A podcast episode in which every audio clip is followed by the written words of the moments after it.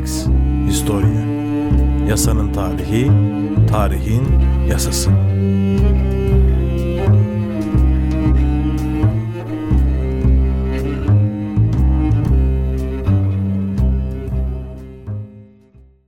Efendim merhabalar, iyi günler. Lex Historia'nın yeni bir bölümüyle karşınızdayız. Bu bölüme ve bu bölümden sonra gelecek olan bölümlere cürmü meşhut adını vermeyi tercih ettim. Cürmü meşhut günümüz Türkçesiyle suçüstü demektir. Ben de tarihte biraz suçüstü yapacağım e, bu seride açıkçası. Ve tarihimize damga vurmuş bir takım şüpheli ölümleri ve cinayetleri ve bunlara ilişkin yargılamaları ele almayı düşünüyorum bu seride.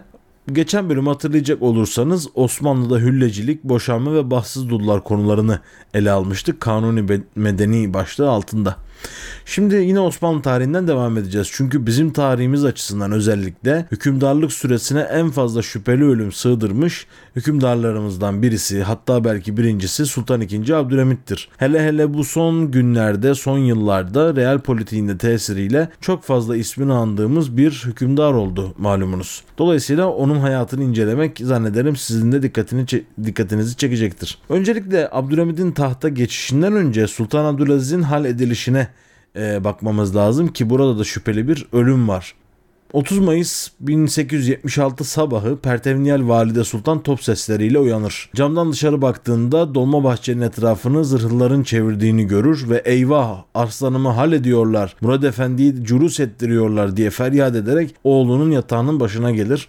Sultan Abdülaziz takdir edersiniz ki hatta tahmin edersiniz ki bu haberi pek olgunlukla karşılamaz. Valideciğim ben ne yaptım ki bana Sultan Selim'in akıbetini layık görüyorlar diye mukabele eder. Bunun üzerine kendisini sakinleştirmek isteyenler de ne duracağım ben bu akıbeti 30-40 defa rüyamda gördüm. Şimdi Cebrail aleyhisselam gökten inse ben tekrardan sultanlığı kabul etmem. Muradım yoktur. Hüküm Allah'ındır diyerek aslında psikolojik olarak da o tarihte halle darbeye çok çok hazır olduğunu gösterir. En nihayetinde Abdülaziz derdest ediliyor ve tahttan indiriliyor. Bu sürece nasıl gelindi? Önce biraz bundan bahsetmekte fayda var. Zaten Abdülaziz ve abisi Abdülmecit arasında bir rekabet olduğu ve bürokrasinin ve devlet adamlarının iki farklı klik şeklinde bunları desteklediği söylenir. Hatta cenazesinde Abdülaziz abine sarılıp e, kardeşliğimizi bildirmediler, hep aramızı açtılar diye ağladığı bile rivayet olunur. Tabi Abdülaziz gözyaşlarında ne kadar samimidir Allah bilir. Ama e, Abdülaziz saltanatından önce Abdülmecit döneminde Şevkefsa kadın efendinin oğlu Murad'ı tahta geçirmek için veliahtlık sistemini, taht sistemi, veraset sistemini değiştirmek istediği rivayetler arasındadır. Bu enteresan bir figürdür Şevkefsa kadın efendi. Nitekim birazdan da kendisinin başka yönlerine de değineceğiz. Efendim bu darbeyi planlayanlar Erkan-ı Erbaa denen Mithat Paşa, Serasker Hüseyin Avni Paşa, Sadrazam Mehmet Rüştü Paşa ve Şeyhülislam Mustafa Ayrı Efendi. Rivayet olunur ki daha önceden de Abdülaziz'e bir takım suikast girişimleri olmuş. Mesela Fındıklı Camii'ne giderken Yunan gemisine konacak bir torpidoyla berhava edilmesi, Cuma selamlığında hızlı hayvanlara bindirilerek teref edilmesi ya da kilercilerden biri vasıtasıyla zehirlenmesi bile düşünülmüş ama bunlar gerçekleşmemiş planlar olarak kalmış. Beri yandan bunların hepsinin de bir şahsi kini var Abdülaziz'e karşı. Çünkü Abdülaziz bunları ama haklı ama haksız zamanla e, azletmiş, tekrar göreve almış. Bundan dolayı bir kim var Abdülaziz'e karşı. Ve Mithat Paşa'nın şahsında söyleyecek olursak o dönemde bir Jön Türkler hareketi var.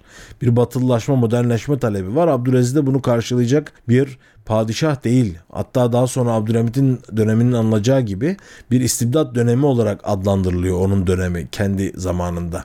Ve en nihayetinde darbe gerçekleşiyor. Süleyman Hüsnü Paşa'nın Harbiye Okulu'ndaki gençleri saraya yönlendirmesiyle saray basılıyor ve Osmanlı tarihinde ilk defa harem dairesine giriliyor. Cevher Ağa kızlar ağasıymış o dönemde. Buna mani olmaya çalışsa da e, padişah burada 5 milyon altın saklıyormuş falan gibilerinden bahanelerle harem dairesine kadar giriliyor.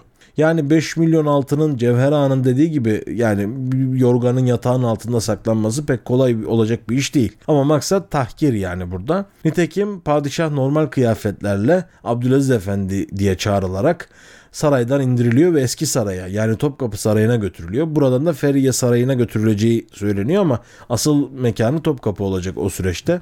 O yağmurlu bir gün padişah e, iliklerine kadar ıslanmış ailesiyle birlikte ve soğuk, rutubetli, ısıtılması pek mümkün olmayan Topkapı Sarayı'na getirilmiş. Hatta derler ki Hırkayı Saadet Dairesi'ne doğru dönmüş saray er- erkanı o aile ve beddua etmişler.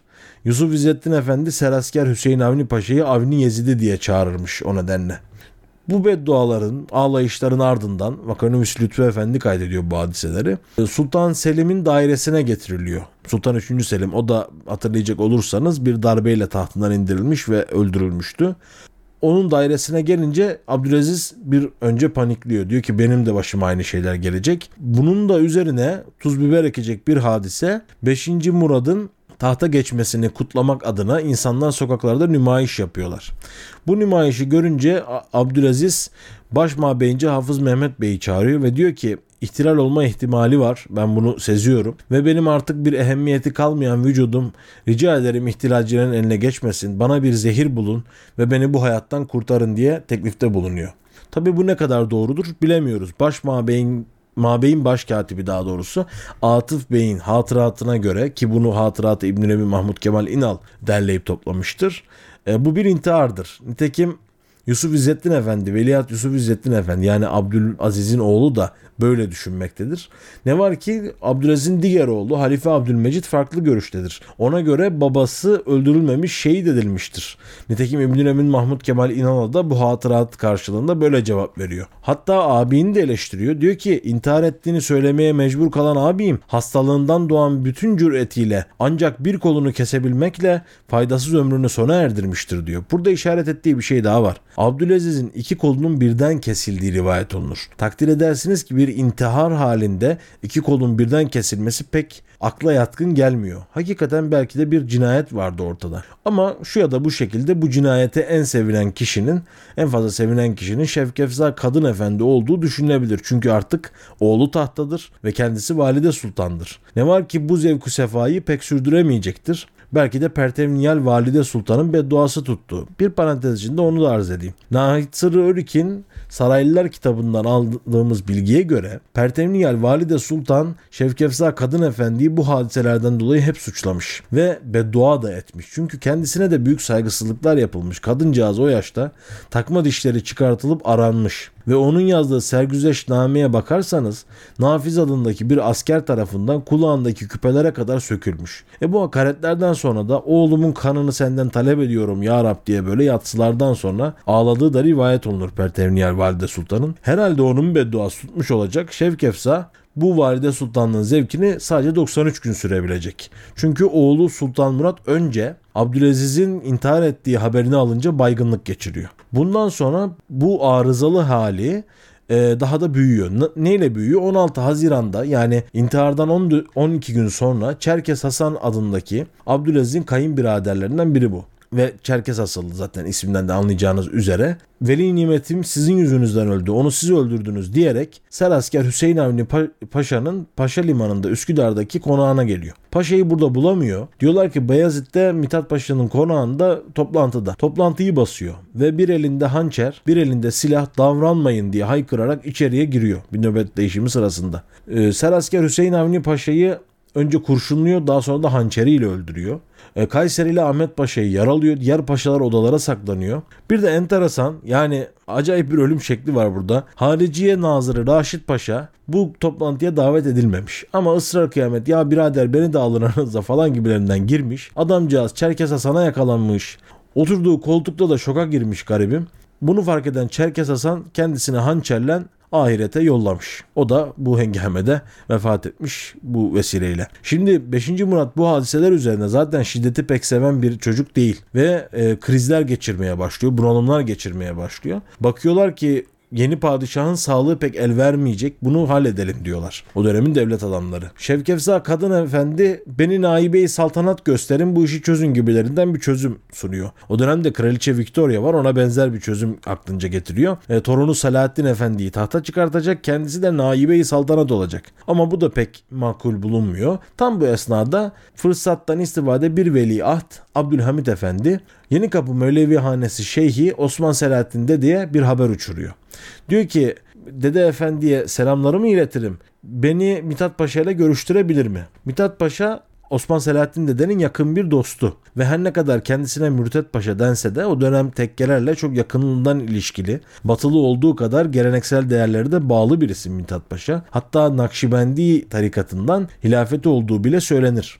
Böyle enteresan bir tiptir yani tarihimizdeki. Ve bu görüşme Perestu Valide Sultan'ın yani Abdülhamit'in analığının Nişantaşı'ndaki konağında gerçekleşiyor. Mithat Paşa, Osman Dede ve Veliaht Abdülhamit bu konuda bir mutabakata varıyorlar ve Kanuni Esasi'nin yani yeni anayasanın ilan edilmesi şartıyla padişaha tahta geçmesi için destek olacaklarını vaat ediyorlar. Hemen Sultan Murad'ın padişahlık yapamayacağına dair bir rapor tertip ediliyor ve hal fetvası beklenmeksizin Osman Selahaddin dedenin icmayı ümmet fetva yerine geçer. Yani ümmetin bir araya gelmesi fetva yerine geçer. Hükmüyle Abdülhamit tahta oturuyor. Abdülhamit tahta oturuyor ama büyük de kavgaların üzerine oturuyor aslında. Şimdi o dönemde bir Sırbistan Karadağ meselesi var. Ayaklanmalar var. Balkanlarda Ortodoks isyanları var. Ve Rusya gitgide bizi sıkıştırıyor.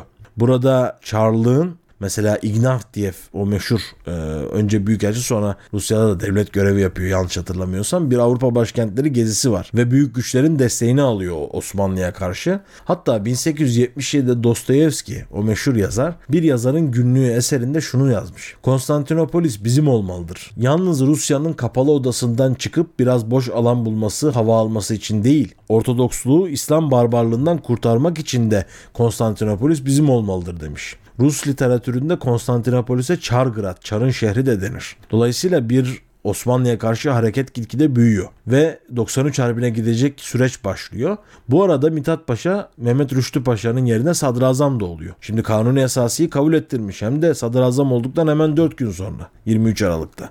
E, bir yandan Batı kamuoyunda dikkat çekmeye başlamış. Mesela Lord Salisbury tersane konferansında bu meselenin çözümü için toplanan tersane konferansında e, diyor ki barışın önündeki tek engel bu hareketli paşa. Bundan rahatsızız demeye başlıyor. Batılı güçlerin de dikkatini çekiyor ve Batılıların tepkisini çektikçe Osmanlı kamuoyundaki o hürriyet rüzgarları e, yani sokaklarda La Marseillaise Marşı Namık Kemal'in çevirisiyle okunuyor. Her yerde bir hürriyet havası esiyor. Bir milli hava esiyor. Hatta Süleyman Paşa Paşa'nın vasıtasıyla bir İAŞE yani Milli Yardımlaşma Derneği kuruluyor falan. Yani büyük bir rüzgar var o dönem. O rüzgarı da arkasına alan Mithat Paşa gitgide gücünü arttırmış ve enteresan bir tevafuk. Bu sürede bizim meşhur şair Ziya Paşa e, vali olarak gönderilecek Şam'a. Burada İzmir'de kendisiyle bir röportaj yapılıyor ve diyor ki bu yeni rejimde padişah o kadar da önemli bir insan değildir. Neticede millet, milletin hizmetkarıdır. Şimdi bu açıklama zaten evhamlı bir karaktere sahip olan Abdülhamid'i endişelendiriyor.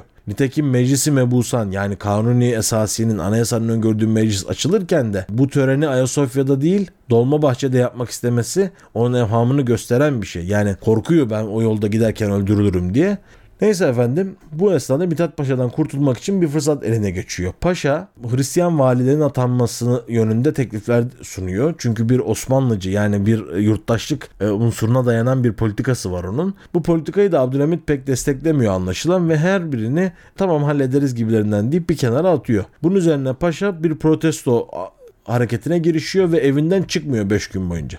Nihayet 5 Şubat'ta saraya çağrılıyor. Ya gelin gelin halledelim bu işleri diyerekten. Fakat saraya çağrıldığında kendisinden sadaret mührü isteniyor. Dahası derdest ediliyor ve sürgüne gönderiliyor Avrupa'ya hızlı bir şekilde halkın tepkisini çekmemesi adına da bu iş oldukça sessizce hallediliyor. Şimdi Mithat Paşa'dan kurtuldu Abdülhamit. Üstüne 93 Harbi 2 ay sonra patlak veriyor. Rumeli'nin önemli bir kısmı kaybediliyor. Bunlar yetmezmiş gibi bir de Ali Suavi baskını oluyor. Ali Suavi de 5. Murad'ın tekrar tahta geçmesi için hareket eden bir hareket diyelim yani çok fazla detayına girmeyelim bir darbe girişimi oluyor diyelim Abdülhamit'e. Bunlar Abdülhamit'i zayıflatmak şöyle dursun elini güçlendiriyor. Çünkü onun kafasında şu var. Ben meclisi ve paşaları başlangıçta dinlerim. Ancak işi öğrendikten sonra bunları da dediğimi dinletirim gibi bir mantalitesi var. Ve bugün böyle moda olan tabirle söylersek çıraklık sürecini bu 1881'e gelene kadar o 5 yıllık süreçte Abdülhamit zaten tamamlamış. Yetmemiş 93 e, Harbi'ni bahane ederek meclisi de kapatmış. Kanuni esası dediğimiz anayasada bir gölgeden ibaret kalmış. Evrakların üzerinde adı var ama kendisi yok. Hal böyle olunca azil süreci başlamış. İlk olarak Redif Paşa 93 Harbi'ne bizi sen soktun denerek azlediliyor. Daha sonra harpteki başarılarına rağmen Şipka geçidi kahramanı olarak anılmasına rağmen Süleyman Üstü Paşa Bağdat'a gönderiliyor. Şeyhülislam Hayri Efendi Arabistan'a sürgün ediliyor. Damat Mahmut Celalettin Trablusgarp'a sürgün ediliyor. Ve 1876'dan 1881'in ortasına kadar Abdülhamit 12 kez sadrazam değiştirmiş. Ve bu bürokratların da kendi aralarındaki çekişmelerinden fevkalade yararlanmış. Bizim daha sonra şayet fırsat bulursak inceleyeceğimiz o istibdat döneminin başlangıcı bu, bu hadiselerdir. Yani gücü yavaş yavaş eline almaya başlamış.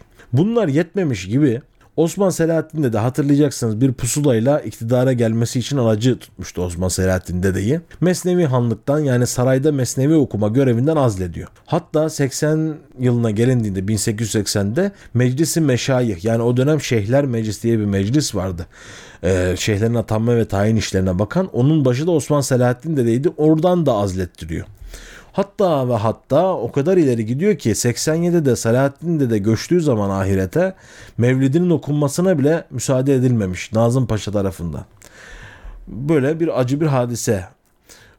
Yenikapı Mevlevanesi bu konuda mimlenmiştir. Nitekim daha sonra Abdülhamit'in yerine geçecek olan e, Sultan Reşat da Mevleviliğe çok yakındır. Ee, Osman Selahattin dedenin oğlu Celalettin dedenin düğününde jurnal gidiyor Abdülhamit'e. Bir parantez olarak onu da anlatayım.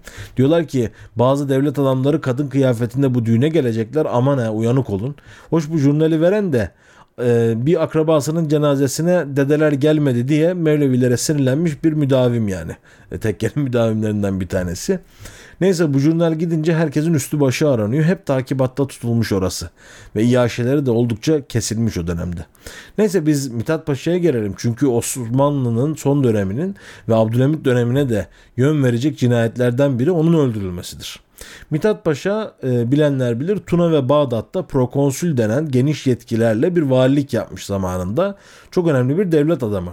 Ve e, Şam'da da bu yetkileri istiyor Abdülhamit'ten. Burada bazı reformlar yapmak için.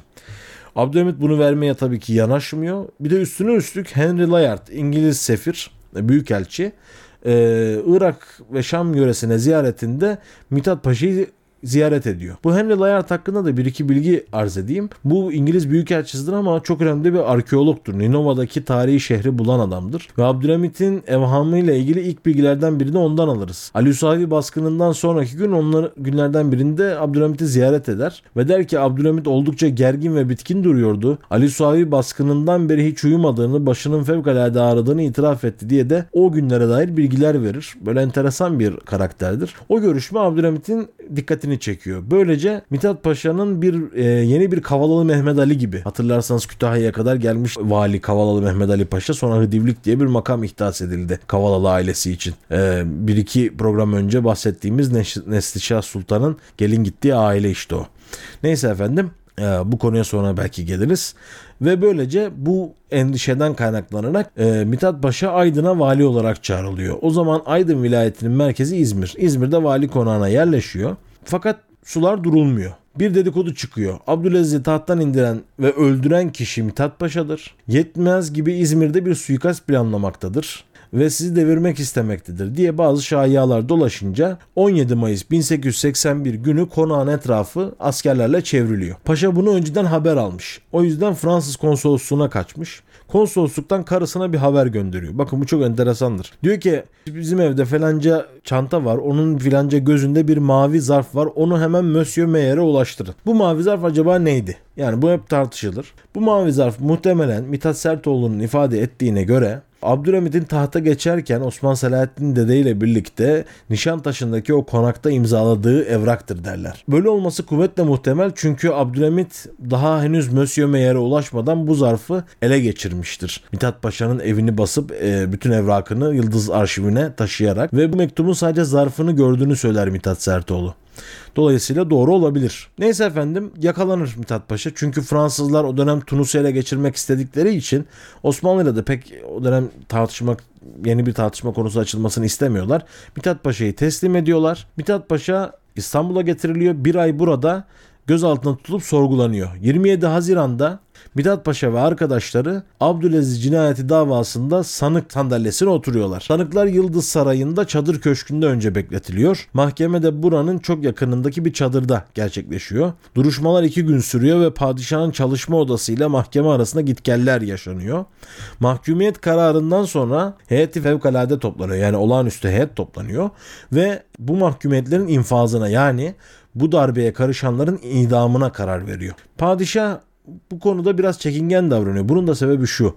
Batı kamuoyu bu yargılamaları bir adalet parodisi, hileli duruşma, adli skandal, meş'um komedi gibi isimlerle adlandırıyor ve paşanın nahak yere asılacağını ilan ediyorlar. Onun üzerine onların da tepkisinden biraz çekindiği için hadi bir merhamet gösterelim deyip darbeye karışanlara Taif yolu gözüküyor. Orada kalebentlik, ömür boyu kalebentlikle mahkum ediliyorlar. Yalnız bu da bir gelişmedir yani. Bunu her ne kadar Avrupalılar bunu eleştirse de yani baktığınız zaman 50-60 sene önce taçsız kral kadar yani öyle ifade edilen Koca Pertev Paşa padişahın bir emriyle boğdurulmuştur. Yani oradan buraya gelinmesi de aslında anayasal tarihimiz açısından önemli bir gelişme. Neyse efendim İzzettin vapuruyla mahkumlar Cidde'ye doğru yola çıkıyorlar. Taif'e ulaşıyorlar. Burada başlangıçta iyiler. Çünkü aşçıları vesaireleri yanlarında uşakları. Ne var ki bu çok sürmüyor. Çünkü Abdülhamit şundan evhamlanıyor. İngilizler gelecekler bu Mahmut Celalettin Paşa, damat Mahmut Celalettin'le Mithat Paşa'yı alıp kaçıracaklar. Bu da çok boş bir endişe değil çünkü Hicaz Telgraf Baş Müdürü ee, Ali Rıza Bey saraya bir telgraf çekiyor ve Sudan'da Sevakin limanında bekleyen zırhlının bu işe matuf olarak hazırlandığı bilgisini veriyor. Ve Hicaz valisine bir emirname yazıyor Abdülhamit. Bakın bu çok neşeli. Bunu müsaadenizle okuyayım. Diyor ki Şişko Mahmut ve Mitat katillerine İngiliz fikrine göre bir müşevvik yani teşvik edici peyda olur ve onlar dahi kemali cesaretle firara cüret ederler.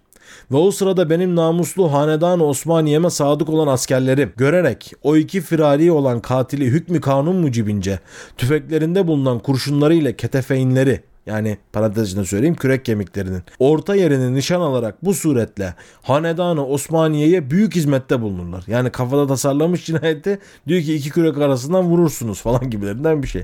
Paşa da bunu sezmiş olacak vefatından bir, bir buçuk ay önce mektubuyla ailesine haber veriyor. Benim yaşamaktan ümidim kalmadı diyor. Ağır da bir hastalık geçirmiş. Helalleşiyor. Bu arada bir iki zehirleme girişimi var. Bunlar Arif Ağa yani Mithat Paşa'nın uşağı tarafından engellenmiş. Bir gün bu Arif Ağa'yı yatsı e, saatinden sonra, yatsı namazından sonra alaylı yüzbaşı İbrahim Ağa ve üç teğmen kenara çekiyor. Diyorlar ki bizi açık etme. Bu akşam operasyon var. Paşa'yı boğacağız. Ağa da işte kader bu ya. Yatsı yıkılıp odasına doğru dönmekte olan Mithat Paşa'yı görüyor. Ve paşam odanıza gitmeyin. Beraber bulunun. Bu gece sizi bitirecekler diye can havliyle söylüyor. Bu olay ortaya çıkınca Alay komutanı Lütfi Bey daha evvelden Tayfe bu iş için zaten atanmış. Arif Ağa'yı kareden çıkartın mahkumlar da birbirleriyle temas etmesin diye emir veriyor. Teğmenler bunu yerine getiriyorlar. Fakat bir direniş geliyor bu hadise üzerine. İşin sonunda binbaşı Bekir ya olur mu öyle şey biz sizi öldürür müyüz falan gibilerinden sözlerle onları odaya geri tırnak içine tıkmayı başarıyor diyelim yani özetle kaba tabirle ve gece paşanın odası e, içeriden sürgülü yani kilitli olmasına rağmen kırılarak içeri giriliyor. Önce Namık Paşazade Ali götürülüp boğduruluyor. Sonra da zaten takati kalmamış olan Mithat Paşa boğduruluyor. Abdülhamid'in Şişko Mahmut olarak adlandırdığı eniştesi ise epey güreşmiş. Katillerden birkaçını duvara vurmuş, yastıkla kendini savunmuş ama neticede o da muvaffak olamamış, öldürülmüş. Mithat Paşa'yı Edirneli Berber İsmail, Mahmut Celalettin Paşa'yı da Karahisarlı Süleyman ile Zileli Ali öldürmüşler. Naaşlar şilteye konmuş. Gün doğar doğmaz yıkanmadan, kefenlenmeden hatta cenaze namazları bile kılınmadan alelacele İbn Abbas mezarlığına gömülüp burada defnedilmişler. Resmi raporlara da şöyle bir kayıt düşmüş. Mithat Paşa şirpençe ve kasığında çıkan hıyarcık, Celalettin Paşa ise mide nezlesiyle tifodan ölmüş diye yazılmış. Yani düzmece bir rapor var işin aslı. Ee, Mithat Paşa'nın torunu Mithat Akçit'in ifadesine göre 1950'de Abide-i Hürriyet dediğimiz bugün Hürriyet abidesine getiriliyor Mithat Paşa'nın naaşı ve burada defin sırasında dedesinin başının bulunmadığını fark ediyor Mithat Akçit.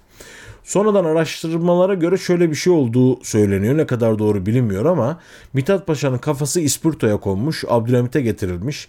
Hatta padişah bak senin bizim başımıza getireceğin senin başına geldi demiş derler. Ne kadar doğru bilmiyorum. Yine Mithat Paşa'nın oğlu Ali Haydar Bey'e Frans, şey, Londra'da ve Paris'te bir büyükelçilik de teklif edilmiş ama kabul etmemiş. Yani o da belki bir işlere karışmasın diye Abdülhamit yakında tutmaya çalışmış. Ama enteresandır bir görüşmede bir koltuğa oturması konusunda ısrarcı oluyor Abdülhamit. Adam şüpheleniyor Ali Haydar Bey Mithat Paşa'nın oğlu. Oturmak istemiyor öbür koltuğa oturuyor. Oturacağı koltuğun arkasında perdeli bir şey olduğunu görüyor. Sonra neden sonra Abdülhamit devril, devriliyor ve bir ahbabı ona şunu söylüyor. Senin o gün oturmadığın koltuk var ya o koltuğun arkasında babanın resmi var. Şöyle bir resimmiş göya. E, Mithat Paşa papaz kıyafetinde belinde zünler, elinde incil ve haç böyle e, size doğru bakıyor. Böyle tuhaf bir resim. O resim de ortada yok. Yani ne kadar doğru bilemeyiz ama herhalde Abdülhamit'in emhamlı kişiliği e, bu noktaya da varmamıştır diye ümit ediyoruz. Gelelim Şevkefza ve Pertevniyel Valide Sultanlara.